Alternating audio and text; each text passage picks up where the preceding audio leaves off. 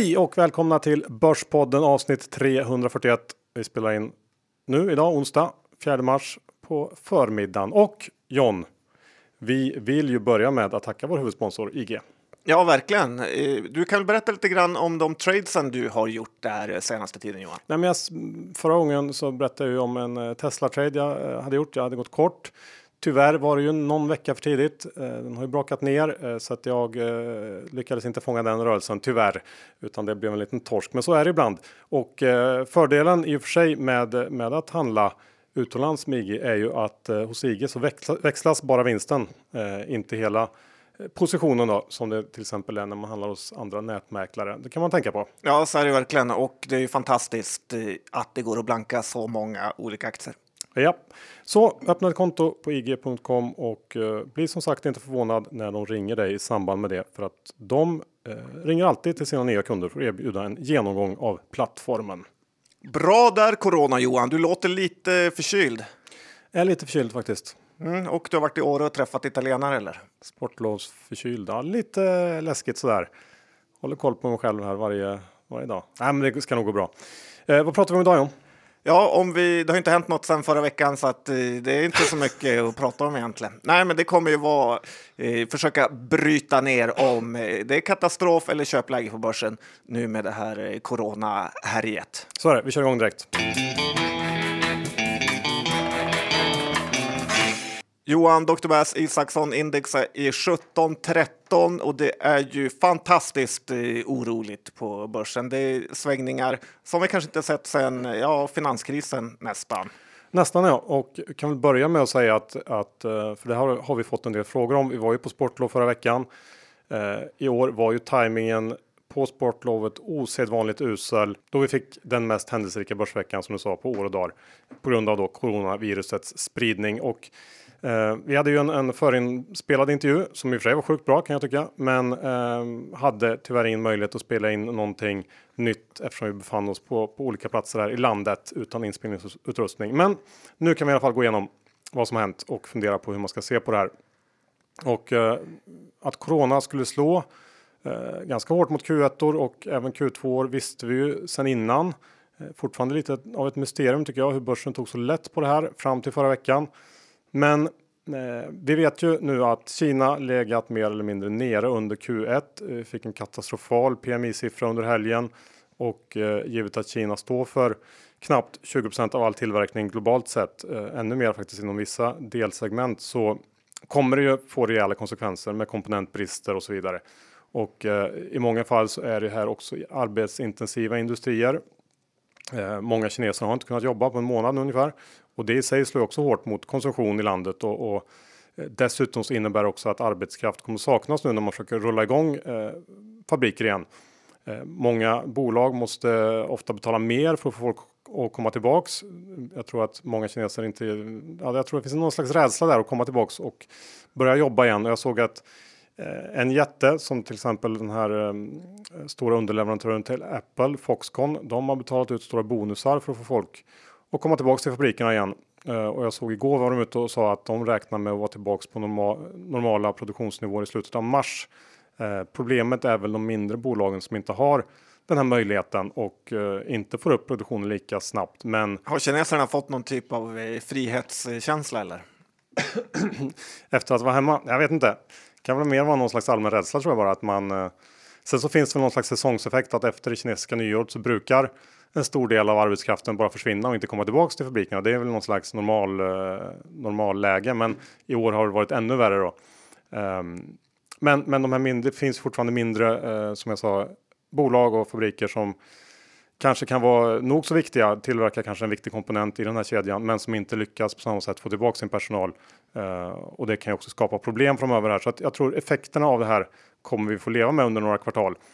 Uh, och på lite sikt så kanske det här kan driva på ytterligare den här processen som eh, man kanske kan säga att handelskriget startade, det vill säga någon slags eh, diversifiering av produktion och att man vill minska beroende av Kina och kanske flytta hem delar av tillverkningen för att minska riskerna. Vi får se. Det, det är väl någonting som vi får följa upp längre fram.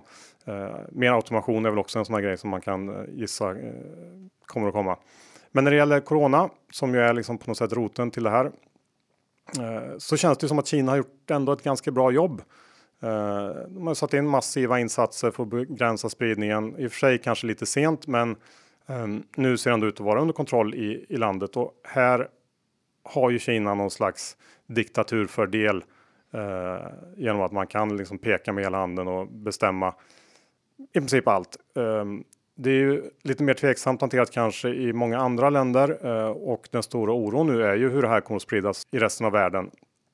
Och ehm, ja, personligen, det, det, här är ju svårt. Det här är liksom någon slags knäckfrågan. Jag tycker att det känns som att risken ändå är för stor för att bortse ifrån att det verkligen får fäste i Europa och USA.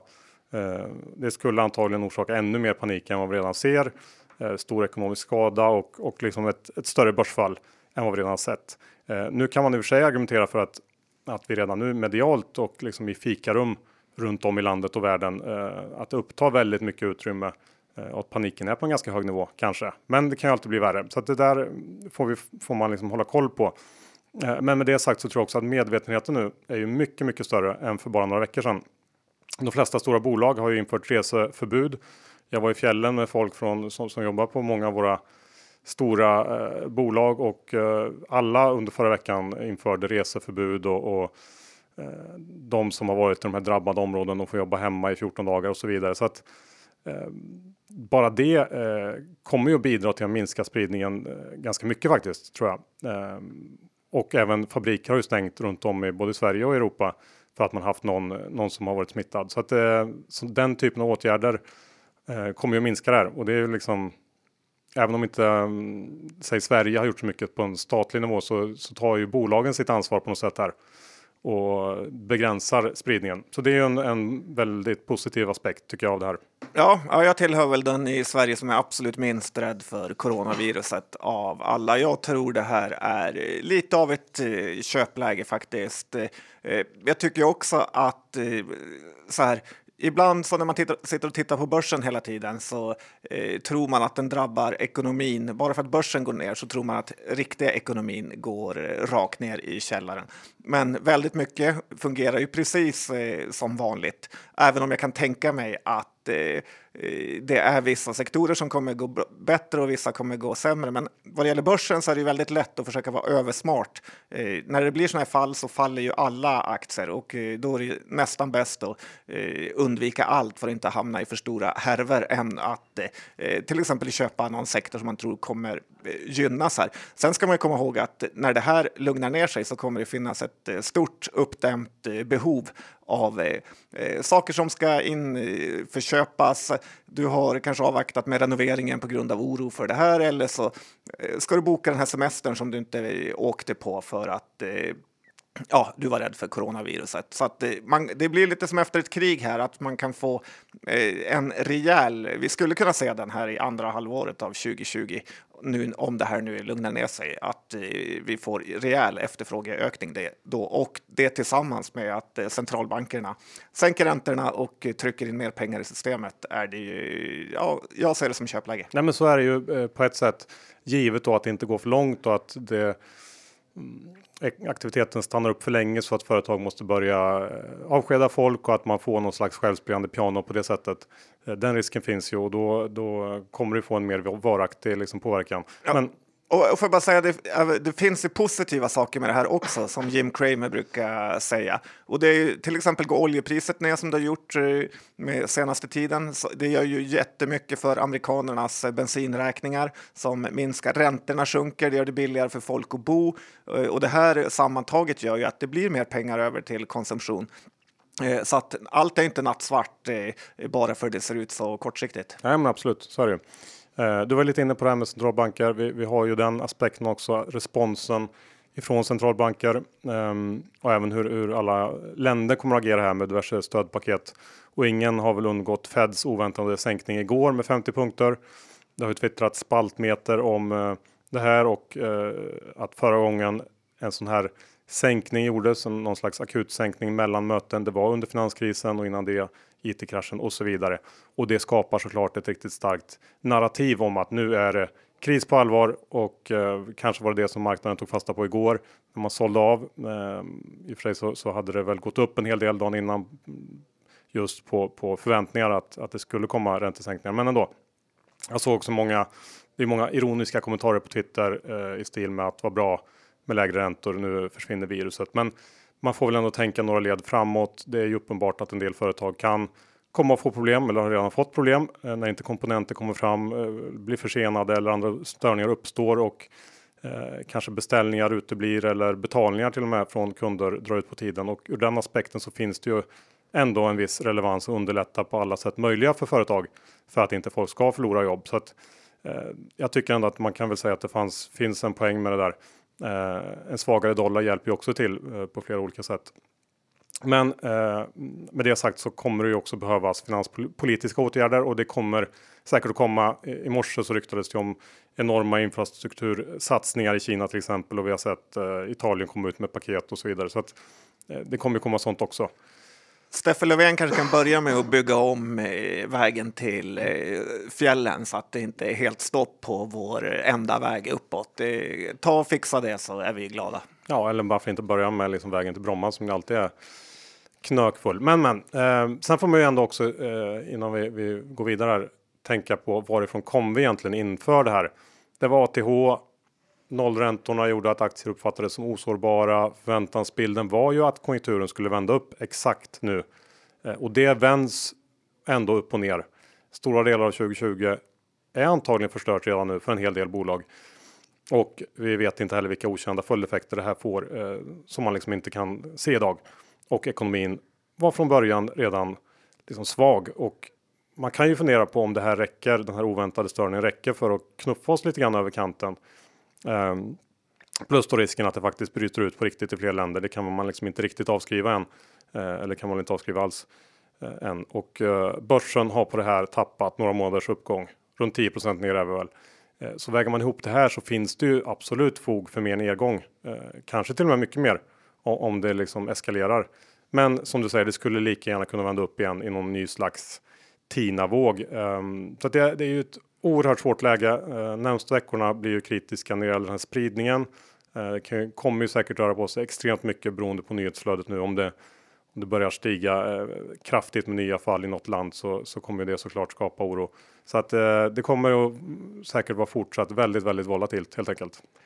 Ja, men det har du rätt i. Det är bara att fortsätta följa med eh, blöjan på. Ungefär så. Eh, men, men, om man tittar på hur konkreta effekter, vinstvarningar eh, har det ju kommit eh, några stycken på grund av corona. Eh, det kommer ju garanterat komma fler. Eh, det vet vi redan. Frågan är väl mer hur det tas emot. Eh, Vitrolife gick ut igår eller i, i förrgår kväll egentligen va? och meddelade att det kommer påverka deras försäljning i Asien med 30% SAS var ute igår, eh, drog tillbaka sin prognos. Det är väl de två senaste. Vitrolife var upp någon procent på det här och SAS ner en procent. Um, så här får man väl säga att det var ganska inprisat på något sätt.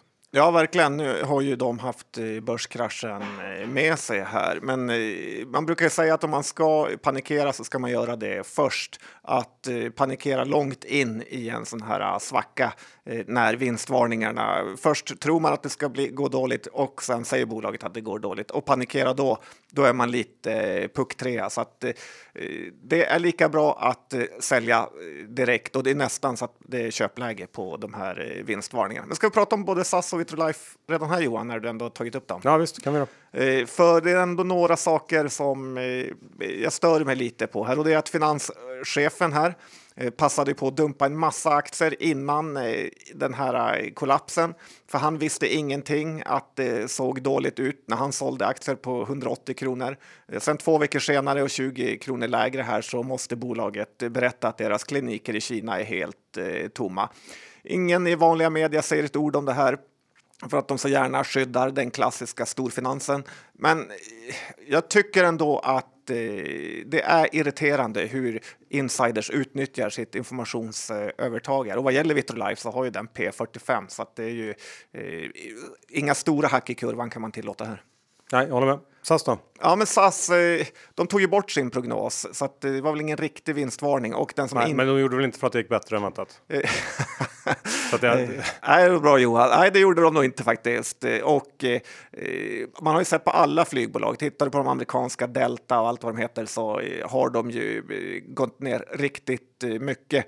Och eh, jag tycker man innan man räknar ut de här bolagen helt eh, så ska man komma ihåg att de har en stor andel rörliga kostnader. Eh, flyger man man inte så har man ingen kostnad för flygbränsle. Man kan också permittera personal och sen har man ju inget slitage på flygplanen.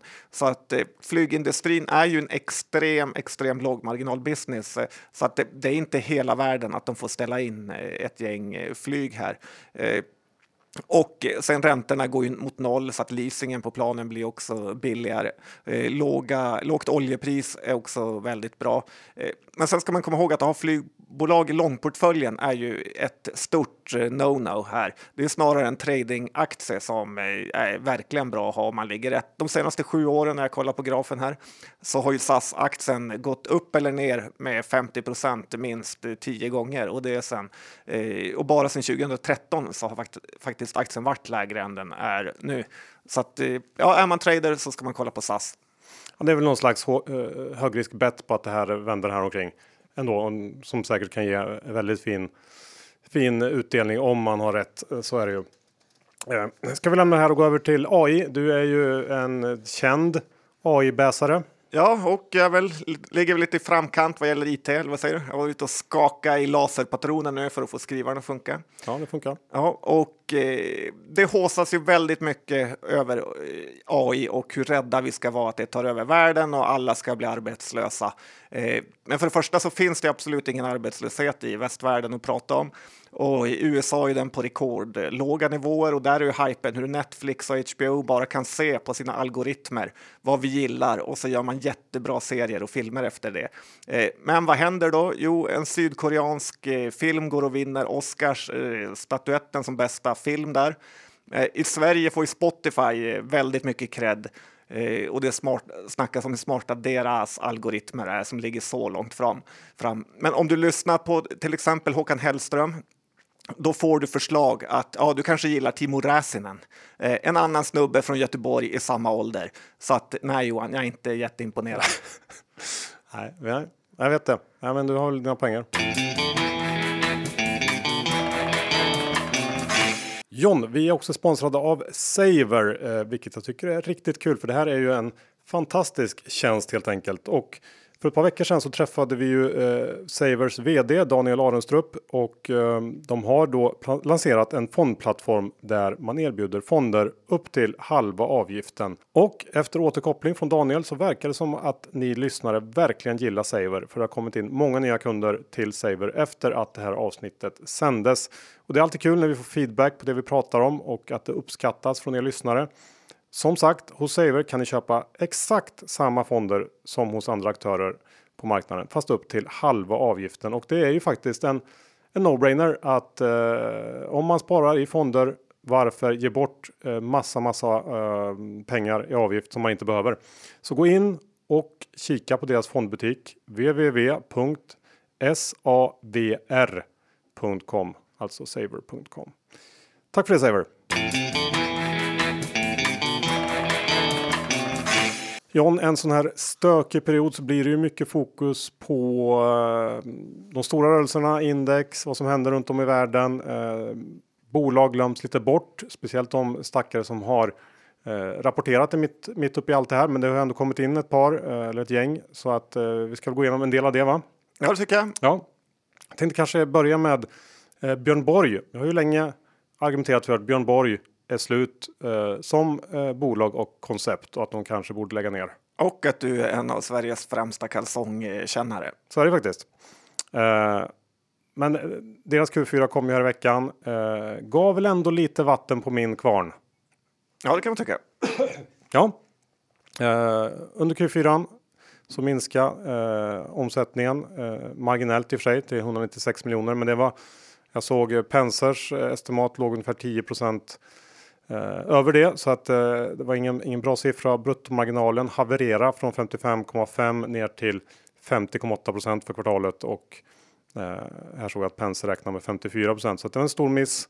Här är det valuta som har stökat till det delvis, men de har även haft kostnader för någon lagerflytt i Holland och eh, Ja, rörelseresultatet sjönk ner till nästan 0, 1,4 miljoner från förra året 16. Jag tror ju tyvärr att det blir väldigt svårt att blåsa liv i det här varumärket oavsett hur bra den här vdn Henrik Bunge är. Många gillar ju honom, men jag ser ingen anledning att äga Borg här runt 20 kronor trots eh, tappet på slutet. Jag, jag, jag, tror att de är lite körda faktiskt. Ja, men Henrik Bunge var väl den som var tvåa på, till Nordpolen efter den här eh, snubben som ingen gillar, Ola, inte Fossmo, utan vad hette han? Skinnarmo. Skinnarmo, ja. Eh, så att eh, han tror jag faktiskt på som du säger. Men Björn Borg, det är för tuff konkurrens där ute. Lite har också många blivit lurade av att den här när royaltyn till självaste tennisspelaren Björn Borg skulle försvinna så skulle det verkligen lyfta för bolaget. Det verkar ha blivit precis eh, tvärtom. Ja, men tyvärr. Jag vet inte vad market cap är runt 500 miljoner nu. De gjorde 50 miljoner i ebit 2019 kanske kan bli lite mer, lite mindre nästa år. Men det är, det är svårt att se någon jätteuppsida på det tycker jag. Ja, men dessa retailkläder är inte heller jättetufft gjort. Nej. Sparka på de som ligger. Ja, okej. Okay. Men ska vi ta en annan retail då? Boost? Ja, de eh, kom med en riktigt fin rapport. Ja, faktiskt. Ja. Jag har inte ägnat så mycket tid åt Boost. Men eh, som du säger, en riktigt fin rapport och en aktie som faktiskt är på plus i år. Eh, Q4 så växte de knappt 20 och gjorde det under eh, kraftigt förbättrad lönsamhet faktiskt. Och det hör ju till ovanligheterna i den sektorn ändå får man säga. Rörelsemarginalen gick från 6,4 förra året till 9,6% i år och en intressant grej som jag noterar i rapporten är att eh, bolaget börjat stänga av kunder som returnerat vanor, varor i för, för hög utsträckning. 9000 kunder har man blockerat nu. Jag tycker det känns som en smart åtgärd. Eh, ett bolag som liksom Hitta lösningar på de problem som finns i den här sektorn och det gillar jag. Ehm, såklart en rätt dyr aktie, men men, eh, och den har klarat sig bra genom den här sista nedgången här så kanske inget hoppar på just nu. Men men eh, värt att hålla koll på ändå, för de verkar eh, göra saker rätt. Ja, man har hört om så här gymnasietjejer som beställer hem 40 olika plagg och sen har de provning hemma och så skickar de tillbaka eh, allihopa. Jag vet inte ens om det är sant. Däremot så eh, var det ju någon som berättade att de hade beställt kläder på Boost och redan samma eh, två timmar senare fick man den här packsedeln, eh, vilket är ju extremt imponerande hur fort det går. Eh, själv beställde jag på vinter-EM från Man of a Kind och jag kan säga att det tog sju dagar innan de ens skickade paketet så att det är inte premiumarbetare eh, där. Nej, ja, det skiljer sig. Gäller att skilja på bolag. Men, men vi lämnar det och går över till eh, Bahnhof. Ja, men Bahnhof är ett bolag jag har köpt lite mer i i den här eh, typ av kraschen och eh, jag har svårt att säga egentligen varför den aktien ska gå ner så mycket och varför den är så svag. Är det något man behöver nu i dessa tider när man inte vill gå ut så är det ju sitt eh, bredband. Eh, rapporten har ju du redan gått igenom här eh, för några veckor sedan när den kom. Eh, det som var lite konstigt och kom lite grann från ingenstans var ju att Öresund bara tog och sålde ut eh, aktier för 10 miljoner över börsen. Eh, Öresund är näst största ägare. Bahnhof och en källa till mig säger att det ryktas att Öresund är lite trötta på Karlung och det här var ett eh, sätt att markera sitt missnöje. Jag vet inte om det stämmer, men svårt att förstå varför Öresund kränger ut sitt innehav via börsen. De röstar lite med fötterna helt enkelt. Nej, men det kan man förstå. Han han kör ju one man race eh, och gillar man inte det så kanske man inte ska vara med i aktieboken Nej, lite heller. Så. Och den här Elementica twisten. Eh, det är klart att en del kanske inte helt uppskattar att man nu också blir någon slags projekteringsbolag inom inom sådana här eh, serverhallar. Jag vet inte, det, jag kan förstå att de gör så för att markera. Ja, det gjorde de i alla fall. Ja, eh, spelbolag då, det är en till sån här sektor som har åkt på hårt i bäsen Ja, men det har du verkligen gjort Johan. Och eh, man får väl ändå säga att mannen som är längst ifrån och klassas som insider-trader är Henrik Tjärnström på Kindred, vdn alltså. Eh, han slog till och köpte en massa Kindred-aktier, 71 000 stycken, till kursen 56 och 2020. Vi kan ju säga att det var inte så bra gjort. Eh, hans inse hans senaste insynsköp de sista åren har ju varit katastrofala. Eh, jag hoppas han är bättre vd än trader. Eh, men vad som är värre är, tror jag att de tycker på Kindred, är ju att Mr Long sig själv, Pontus Lindvall, på Betsson då har ju krossat Kindred i aktieutveckling senaste tiden. Nu handlas de här aktierna nästan i par på 44-48 kronors nivån här. Och eh, Betsson har gått eh, starkt medan Kindred har eh, klappat ihop. Jag såg på El Clasico här på Simor som numera ägs av Telia och blev faktiskt imponerad över att Betsson gjorde reklam på vad ska man säga, sargkanten eller den här elektroniska eh, ja, kanten då tillsammans med Coca-Cola, Nivea, Emirates och sen Betsson. Så att eh, fega är de inte. Eh, reklamen var dock i vitt, så att det är lite svårt att se hur, förstå hur de tänker där eftersom det var knappt eh, synlig. Eh, men nu är Kindred-aktien på samma nivå som den var under 2014-15. I och för sig levererat eh, lite utdelningar och så, men nu är det verkligen dags att börja tänka lite på aktieägarna här. Betsson är ju faktiskt ännu lägre än, eh, även fast den har hämtat sig lite så ligger den också monstruöst back de senaste åren.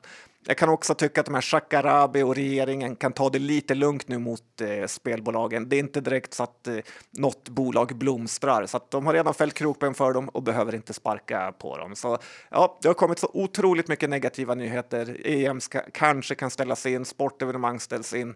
Eh, det är väldigt, väldigt mycket negativt. Det kan känna att det behövs inte mycket positivt för att aktiekurserna ska vända upp. I alla fall har jag bettat på det. Jag vet inte vad du säger. Nej, men jag håller väl med dig där. Jag kan i och för sig kan ju köpa att de bolag som har lite extra tung sportexponering, att de har kanske fått lite extra nedgång också. Um, det har ju redan ställts in lite grejer i Italien, lite matcher och så här. Och det är klart att om om det skulle bli så att EM ställs in så hade det ju inte varit kul för för bolag som Kindred eller Kambi till exempel. Men det här har ju drabbat hela sektorn. Leo Vegas som ju inte har något, något sportspel i princip alls. Det är väl runt 10% De har ju också åkt på ungefär lika hårt så att ja, marknaden har bara sålt på. Och jag kan också tänka mig att det här är ju aktier som, som fortfarande ligger i en del fonders portföljer och i dessa ESG tider så, så kan jag tänka mig att det här är innehav som kanske inte är jätteälskade av förvaltarna och måste man sälja någonting för att täcka upp utflöden och så vidare så är det ganska lätt att trycka ner de här bolagen 5-10 till för det spelar liksom ingen roll eh, för de här förvaltarna tror jag. Eh, det, det, är också någon slags förklaring, men, men i, i stora hela så känns det ju som att spela på nätet. Ja, det borde ju inte gå sämre i alla fall eh, av, av att folk tar det lite lugnare och sitter hemma tycker jag. Nej, tittar man på de här kasinobolagen så har ju de gått riktigt, riktigt dåligt, alltså landbaserade kasinon och man har ju en känsla av att folk spelar ändå så att ja, intressant bett helt enkelt. Ja, men jag har köpt, köpt lite mer Leo faktiskt på det spåret. Så vi får se. Ska vi ta en annan förlorare på hela sitta hemma trenden Johan? Ja. Det är ju Kopparbergs eh, här som kom med sin rapport eh, och blev väl kanske den här besvikelsen jag hade varnat för. Peter Bronsrand var med i tv och jag fick faktiskt lite Bagdad Bob-känsla över honom då.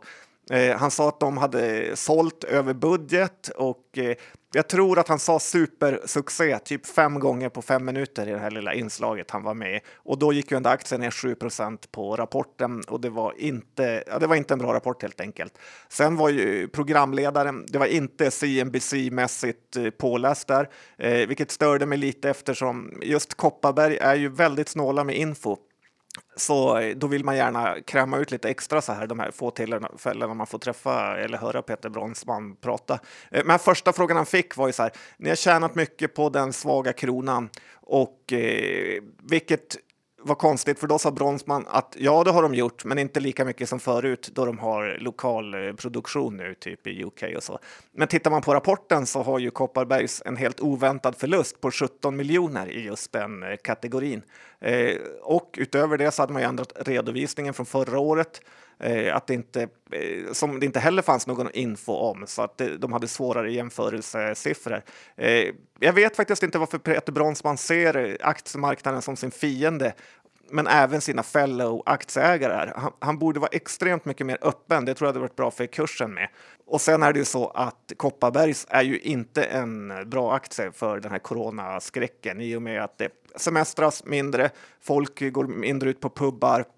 Eh, evenemang ställs in då eh, folk gillar att dricka. Så att, eh, och jag vill inte ens tänka tanken om EM skulle ställas in, vilket man har pratat om mycket här. Så att, ja, nej, det är mycket nedsida kvar här faktiskt, kan jag känna, om, om det vill sig illa. Såklart finns det uppsida också. Ja, men jag håller med i, i stora drag. Eh, tittar man på rapporten så både omsättning och resultat står ju och stampar eh, samma nivå som förra året ungefär. Och eh, fanns säkert en hel del hopp kring att eh, Pink Gin skulle bidragit lite mer här under Q4, men tyvärr inte. Eh, Och som du sa, tittar man framåt, corona kommer säkert kunna påverka lite grann i alla fall. Eh, och sen får vi se vad som händer. De har ju sin pubkedja John Scotts som det här nog inte är bra för. Nej, nu tror jag inte den. Den är väl inte mega, mega viktig kanske i just Kopparbergs. Men, eh, Signalvärdet Johan. ja, men, men om man liksom zoomar ut lite och tänker lite större så känns det som att det, det, det behövs någonting för att uh, få fart på tillväxten i Kopparbergs. Någon ny marknad som tar fart eller att då till exempel Pinkin växer sig så stort att det verkligen ger avtryck i resultatet. Och jag vet inte, det känns inte riktigt som att vi är där um, än i alla fall och um, aktien har kommit ner en del på det här. Um, inte jättedyr, men den ska väl inte vara det heller givet hur det ser ut nu. Nej, så är det. Och tittar vi på de här Anheuser Busch, amerikanska mega belgiska jätten, har ju fullständigt kollapsat på börsen. Även Coca-Cola har ju sagt att det drabbar eh, deras eh, försäljning med coronaviruset. Eh, så det är mycket negativa grejer. Som sagt, aktien är ju billig om du jämför med kanske danska och finska bryggerier här, så att eh, kanske eller så här, skulle kunna vara en uppköpskandidat om, men Peter Bromsman kommer ju aldrig att sälja så att eh, det gör det också omöjligt. Mm, kanske, kanske. Vi får se. Ska vi gå över till lite skolor? Engelska skolan och Academedia. Vi tar dem tillsammans såklart. Ja, de friskolekoncernerna här som finns noterade på börsen och eh, de skulle kunna vara sådana stabila bolag som man vill ha under en eh, lite kris som vi ändå har nu, eller börskrasch, minibörskrasch. Och eh, problemet som har varit med de här rapporterna är att kommunerna är fattiga och det löser de med genom att inte höja skolpengen. Eh, Engelska skolan skrev i sin rapport att den skulle höjas kring 1 procent, vilket är ju lägre än vad eh, löneinflation och eh, sådana and andra ökade kostnader är. Så det är lite svälta räv-spel här från kommunerna mot eh, friskolorna. Och eh, vi har ju sett hur, hur, insiders har sålt både i Academedia och Engelska skolan, vilket känns lite sådär oroväckande.